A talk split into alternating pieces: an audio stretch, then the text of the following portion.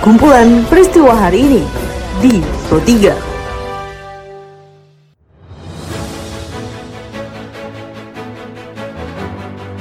Halo pendengar, saat ini Anda sedang mendengarkan kumpulan peristiwa Pro 3.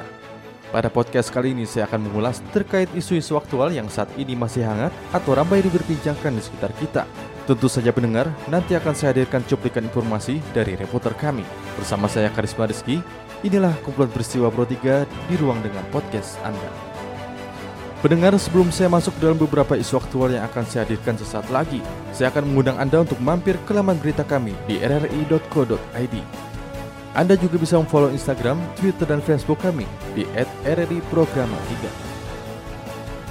Baiklah pendengar, inilah kumpulan peristiwa Pro 3.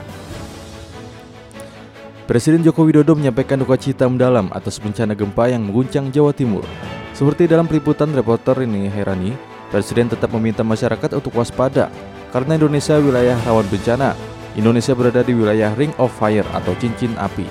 Saya telah memerintahkan kepada Kepala BNPB, kepada uh, Kepala Basarnas, kepada Menteri Sosial, kepada Menteri Kesehatan dan juga Menteri uh, PUPR serta Panglima TNI dan Kapolri uh, beserta seluruh jajaran aparat terkait lainnya juga Pemprov, pemerintah kota dan uh, kabupaten untuk segera melakukan langkah-langkah tanggap darurat mencari dan menemukan korban yang tertimpa reruntuhan dan melakukan segera melakukan perawatan pada korban yang luka yang luka-luka dan e, juga penanganan dampak dari adanya gempa bumi tersebut.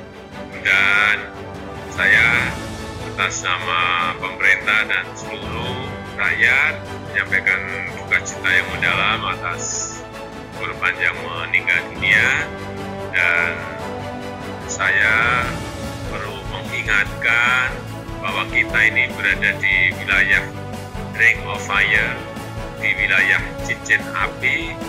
Uh, oleh karena itu, uh, aktivitas alam dapat terjadi setiap saat, baik itu gempa dan yang lain-lainnya. Kapan saja, uh, dan oleh sebab itu saya mengingatkan kepada gubernur, bupati, dan wali kota untuk terus mengimbau masyarakat untuk mempererat kerjasama dan meningkatkan kesiapsiagaan, kewaspadaan akan datangnya sebuah bencana. Badan Nasional Penanggulangan Bencana memperbarui dampak dari gempa magnitudo 6,1. Kepala Pusat Data Informasi dan Komunikasi Kebencanaan BNPB Raditya Jati menjelaskan 16 kabupaten kota di Jawa Timur terdampak gempa bumi.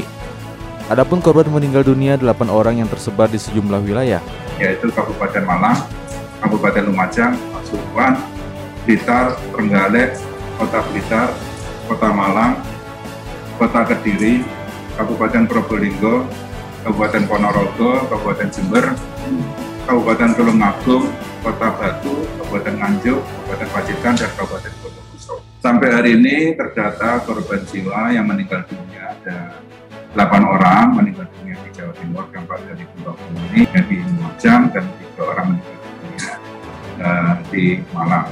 Dampak korban jiwa dan kerusakan 39 orang luka-luka, luka ringan dan luka berat, kemudian juga uh, beberapa rumah rusak. Ya. Jadi kalau kita lihat uh, ada 642 unit rumah rusak berat, 845 unit rumah rusak sedang dan 1000 lebih uh, rumah rusak ringan dan 100 unit fasilitas umum rusak. Wakil Presiden Ma'ruf Amin meminta masyarakat yang berada di zona merah atau daerah yang masih tinggi penularan COVID-19 untuk tetap beribadah bulan Ramadan di rumah karena menjaga diri dari penularan COVID-19 adalah wajib. Sementara ibadah seperti sholat tarawih dan tadarus selama Ramadan di masjid hukumnya adalah sunnah. Memang dibolehkan, tidak ada larangan untuk melakukan tarawih sepanjang protokol itu dilakukan dengan baik. Tetapi anjuran Majlis Ulama dalam tausiahnya itu sangat bagus sekali.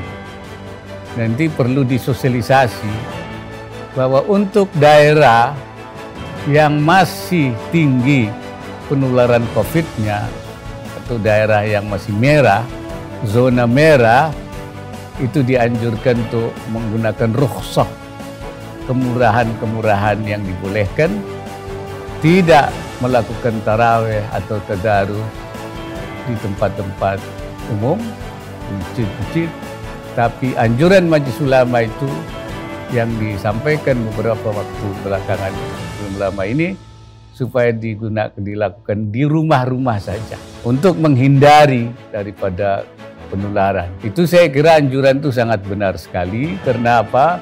Karena taraweh itu sunnah. Tadarus itu sunnah. Tetapi menjaga diri daripada penularan itu wajib.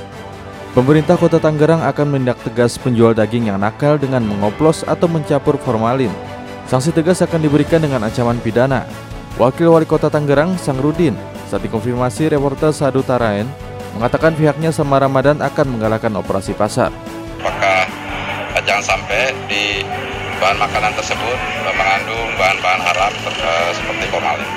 Kita lakukan operasi-operasi pasar seperti ini ya untuk memastikan pasokan, kemudian memastikan harga dan memastikan uh, keamanan keamanan uh, barang apa uh, bahan makan Baiklah pendengar, informasi tadi sekaligus mengakhiri perjumpaan kita pada podcast edisi hari ini.